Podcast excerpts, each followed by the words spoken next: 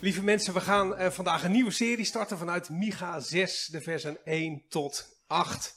En die gaan we de komende drie weken dus iedere zondag lezen met vooral die focus op vers 8, waarin ons eigenlijk drie uitdagingen en drie opdrachten worden gegeven. Micha 6, vers 1, daarboven staat de gerechtigheid van de Heer in de MBV-bijbel. Hoor toch wat de Heer zegt. Sta op, laat de bergen uw rechtsgeding horen. Laat de heuvels getuigen zijn. Luister, bergen, naar het pleidooi van de Heer. Hoor toe, onwrikbare fundamenten van de aarde. De Heer heeft een geschil met zijn volk. Hij klaagt Israël aan. Mijn volk, wat heb ik je misdaan? Waarmee heb ik je gekweld? Antwoord mij. Ik heb je weggeleid, bevrijd uit de slavernij in Egypte. Ik zond Mozes, Aaron en Mirjam om jullie voor te gaan. Ben je dan vergeten, mijn volk, wat Balak besloot, de koning van Moab, wat Biliam, de zoon van Beor, hem antwoordde? Ben je vergeten wat er gebeurde tussen Sittim en Gilgal? Ken je de gerechtigheid van de Heer niet meer? Wat kan ik de Heer aanbieden? Waarmee hulde brengen aan de verheven God? Moet ik hem tegemoet treden met brandoffers? Zou hij eenjarige stieren aanvaarden? Kan ik hem gunstig stemmen met duizend rammen? Met olie, stromend in duizend beken? In tienduizend beken zelfs. Moet ik mijn oudste kind geven voor wat ik heb misdaan? De vrucht van mijn schoot voor mijn zondig leven? Er is jouw mens gezegd wat goed is. Je weet wat de Heer van je wil. Niets anders dan recht te doen trouw te betrachten en nederig de weg te gaan van je God. En dan lezen we nog een stukje verder. Gaan we naar Matthäus 23, waarin Jezus zelf die woorden eigenlijk aanhaalt van deze profeet. In een gesprek, een twistgesprek met de fariseeërs, zoals hij ook heel vaak heeft. Matthäus 23, vers 23. Wee jullie schriftgeleerden en fariseeërs, huigelaars, Jullie geven tiende van munt, dille en komijn, maar veronachtzamen wat in de wet zwaarder weegt. Recht, recht, barmhartigheid en trouw. Terwijl men het een zou moeten doen zonder het ander te laten. Vader God, zegen deze woorden. Dat het in ons mag leven en dat wij ervan uit mogen leven door uw geest. In naam van Jezus Christus. Amen. Lieve mensen, lieve zusters, broeders, crosspointers, gasten, wie er dan ook maar is en wie er dan ook maar meekijkt. Er gaat op internet een plaatje rond, misschien ben je het wel eens tegengekomen.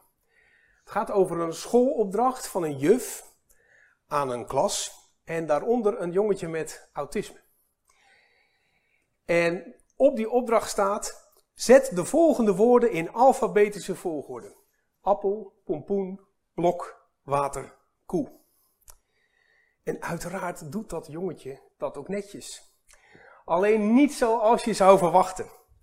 In plaats van het rijtje woorden op alfabetische volgorde te zetten, appel, blok, koe, etc., levert hij een rijtje in waarvan hij van elk afzonderlijk woord de letters in alfabetische volgorde heeft gezet. Dus appel wordt A-E-L-P-P, pompoen wordt E-M-N-O-O-P-P en blok werd B-K-L-O enzovoorts. Opdracht goed gedaan, zou ik zeggen.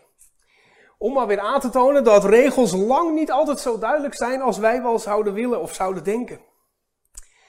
Maar ook om aan te geven dat de letter van de regel niet altijd maatgevend is, maar het hart van de regel des te meer.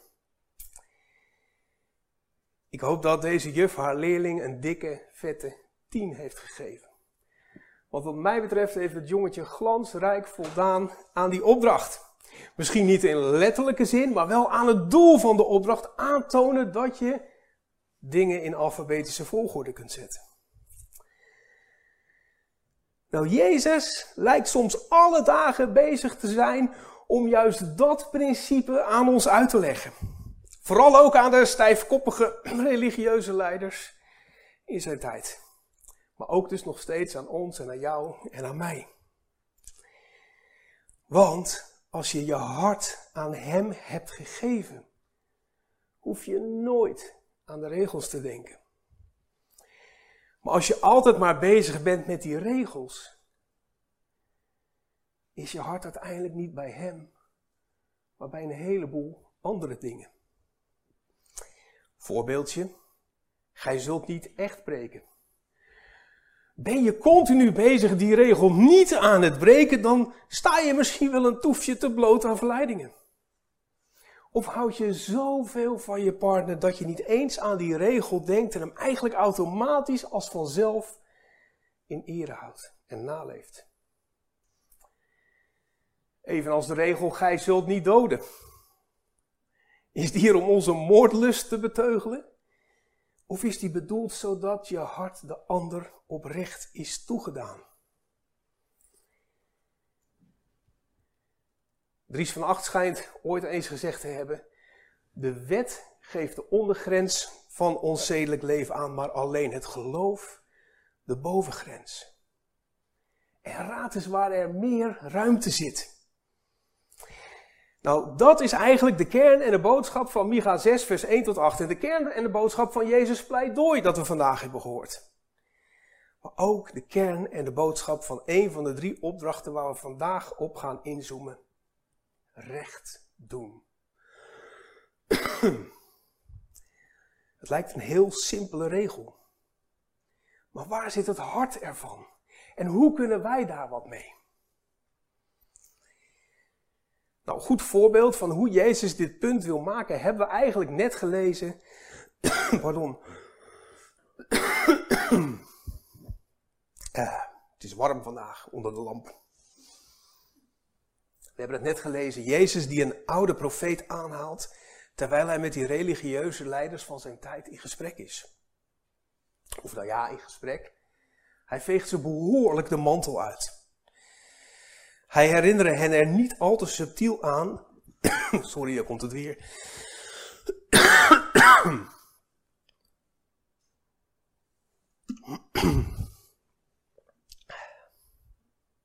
Vandaag gaat gewoon alles mis. Hou er maar rekening mee. Maar we gaan moedig door. Jezus is in gesprek met die leiders en hij veegt ze behoorlijk de mantel uit. Hij herinnert ze eraan niet al te subtiel, dat ze in hun handel en wandel belangrijke aspecten van Gods werk veronachtzamen en verwaarlozen. Namelijk gerechtigheid, barmhartigheid en trouw. En het gaat dus niet altijd zachtzinnig. Nogmaals, Matthäus 23, vers 23. Wee jullie, schriftgeleerden en fariseeën, huigelaars. Jullie geven tiende van munt en dille en komijn, maar veronachtzamen wat in de wet zwaarder weegt recht, barmhartigheid en trouw. Terwijl men het een zou moeten doen zonder het andere te laten. Met andere woorden, stelletje natte tosties. Jullie zijn harder bezig met exact 10% van je kruidenrekje afmeten voor God dan met waar het echt om gaat. Barmhartigheid, recht en trouw. En daarmee haalt Jezus dus die oude profeet aan. Precies die drie uitspraken die Micha heeft gegeven. En daardoor krijgen ze voor mij nog eens extra gewicht. Want Jezus haalt niet alleen die drie opdrachten aan, die drie uitdagingen. Maar hij doet eigenlijk hetzelfde pleidooi als de profeet doet in de versen daarvoor. God zit niet te wachten op munt en dille en komijn, op brandoffers, eenjarige stieren, liters olie, duizenden rammen, je eerstgeboren of wat dan ook. Hij heeft zelf immers zijn eerstgeborene al gegeven. Nu wordt er iets anders van ons verwacht. Recht te doen. Nederig je weg te gaan met God. En trouw te betrachten. Nou, die drie gaan we ons dus de komende weken richten. Te beginnen met recht doen. Een opdracht waaraan God eigenlijk al in Micha 6, vers 1 tot 8 laat zien hoe hij dat precies bedoelt. Als je de Bijbel bij de hand hebt, kun je nog eens even terugkijken hoe het er staat. Micha 6 opent behoorlijk dramatisch. God die als aanklager optreedt. En hij roept daar de hele schepping als getuige bij. De bergen, de heuvels, de onwrikbare fundamenten van de aarde. Met andere woorden, dit gaat ergens over. En het heeft allemaal de sfeer van een soort kosmische rechtbank. Sommige vertalingen noemen het een rechtsgeding. Um, maar het is niet helemaal juridisch. Het gaat om een aanklacht, om een pleidooi. Een zaak van het hart. Die God desondanks behoorlijk scherp beargumenteert. Wat heb ik je misdaan? begint hij mee. Ik heb je weggeleid, ik heb je bevrijd, ik heb je Aaron en Mozes en Mirjam gegeven. En heb ik je niet beschermd toen Biliam bij me kwam? Op verzoek van Balak, de koning van de Moabiet, om jullie te vervloeken. En ik heb hem dat verboden. En weet je niet meer wat er gebeurde tussen Sittim en Gilgal? In die tijd en tussen die plaatsen heb ik jullie het land Canaan gegeven, dat jullie konden veroveren. Weten jullie dan niets meer van mijn gerechtigheid? En vervolgens hoor je dan het volk van God, dat wordt aangesproken, antwoorden. Maar het lijkt wel alsof God hier een beetje buik spreekt. Alsof hij hun antwoorden al kent. Oh ja, nee, we moeten meer gaan offeren. Uh, we moeten precies onze tiende gaan geven. We moeten dit, we moeten dat. Nee, zegt God. Die antwoorden ken ik al. Je weet toch wat ik van je wil? Je weet het heus, het is je gezegd. Komt hij weer? We gaan het de komende weken vaak horen, maar kennelijk kunnen we het niet goed genoeg horen, want het klinkt al sinds de tijden van Micha. Recht doen. Nederig wandelen met God. En de goede tierenheid, een oud woord voor goedaardigheid, lief te hebben. Nou, dat is de context. In de context van die aanklacht en die beargumentering, waarin die drie opdrachten of uitdagingen tot ons komen. Als eerste dus recht doen. En ik zei het al, die eerste versen laten zien hoe God dat eigenlijk gestalte wil geven. En wat hij daarmee bedoelt en hoe dat ingevuld kan worden.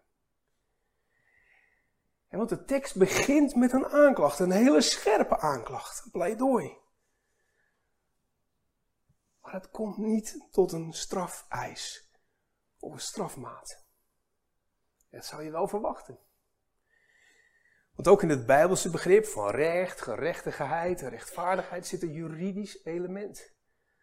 De onschuldige wordt vrijgesproken. En de schuldige wordt beoordeeld en bestraft. En, en God laat merken in zijn betoog dat hij ook recht doet op die manier. Hij grijpt in in de geschiedenis van zijn volk.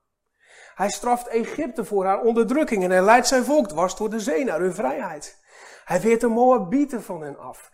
En hij laat zijn volk de Canaanieten verslaan. En hun land veroveren. Een soort van als dit dan dat manier van recht doen. Rechtlijnig recht doen.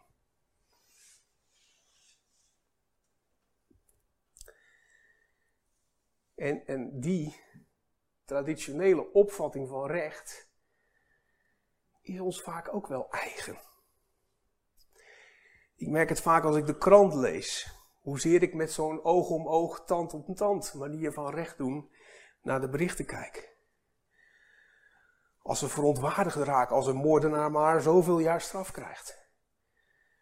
Of als Siewert al die 9 miljoen mag houden. Nou, dat is het soort denken in ons waar Jezus ons via die schriftgeleerden en fariseeën van daarnet tegen probeert te beschermen. Of, of liever nog ons van af wil brengen. Want zo ga je voorbij aan het hart van de strafmaat. En God, de Vader van Jezus Christus, deed dat eeuwen daarvoor ook al in Micha. Natuurlijk, er zijn allerlei offers en straffen en oplossingen te bedenken. En die zijn misschien nog wel terecht ook. Maar brengen die ons uiteindelijk dichter bij elkaar? Want laten we eerlijk zijn, zegt God. Dit en dit en dit is eigenlijk wat ik van je verwacht. En zo laat God dus al zien hoe recht doen in zijn optiek gestalte hoort te krijgen. God onderwijst ons in het gegeven dat goddelijk, bijbels recht uiteindelijk niet primair uit is op genoegdoening. Dat is maar één stuk, maar op verzoening. Genoegdoening helpt wel even, zeker. Het is een goede stap, ook op weg naar verzoening, maar het is slechts één deel van recht. Want lang na genoegdoening zijn de wonden vaak nog zichtbaar, merkbaar en voelbaar. Er is pas recht gedaan als die alle gebroken stukjes zijn geheeld. Ik, ik moest ook denken aan Jezus Christus, die uit de dood is opgestaan. Uit de dood is opgestaan. Een nieuw verrezen lichaam heeft gekregen waarin desondanks de littekens van zijn kruisdood nog zichtbaar zijn. Kijk maar, zegt hij, raak ze maar aan. Voel ze maar. En tegelijkertijd is zijn hart vol van verzoening. Tegen Petrus zegt hij, heb je mij lief? Wijd dan mijn lammeren. Kom weer bij me, doe weer mee na genoegdoening begint verzoening. En dat is het mooiste, het goddelijkste deel van Bijbels recht. Net als Janine moest ik ook aan een vaas denken. Dat kwam ook door een filmpje die we eerder hadden gedeeld. Ik dacht ook, stel ik zou een kostbare vaas van iemand kapot laten vallen. Expres of per ongeluk, maar helemaal in stukjes, niet te vervangen. En ik zou proberen alles te vergoeden. De volledige dagwaarde. De complete restauratie voor zover dat mogelijk is. De krassen op de vloer en eventuele letselschade. En zouden dan, ja, er kunnen splintertjes op je vallen, toch? Ja, precies. Als ik het naar iemands hoofd gooi, dan heb je ook letselschade, ja. Dat gaat meestal niet per ongeluk. Ja. En, maar als je dat dus allemaal zou doen, zouden dan alle barsten geheel zijn? of heeft recht niet primair te doen met barsten en scheuren in het materieel, maar veel meer met de barsten en scheuren in ons, in jou en in mij.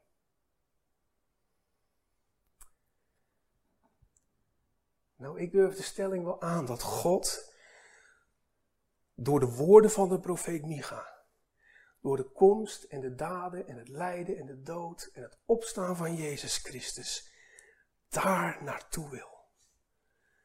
Ja, er is veel gebroken. Maar door Jezus Christus is alles al gerepareerd. Is de schade dubbel en dwars betaald en vergoed. En wordt er alleen nog maar van ons verwacht recht te doen. Zoals Hij dat ook heeft gedaan. En dat betekent dus dat recht doen vaak buigen is en soms zelfs krom liggen. Dat recht doen niet een kwestie van afkopen is, maar van investeren.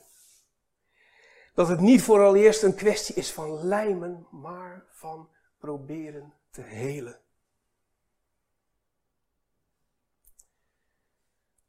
Dus als je onrecht tegenkomt in je leven, misschien jouzelf al aangedaan of een ander, Benoem het. Doe de aanklacht zoals God ook doet bij de mond van de profeet Micha. Spreek je pleidooi uit en misschien zelfs wat je vindt dat die ander eigenlijk verdient. Maar open dan ook de deur naar verzoening. Waarbij je met God en de ander op weg gaat. Nederig wandelend en trouw bewarend. Maar daar gaan we het volgende week over hebben. Voor nu, zegen. Amen.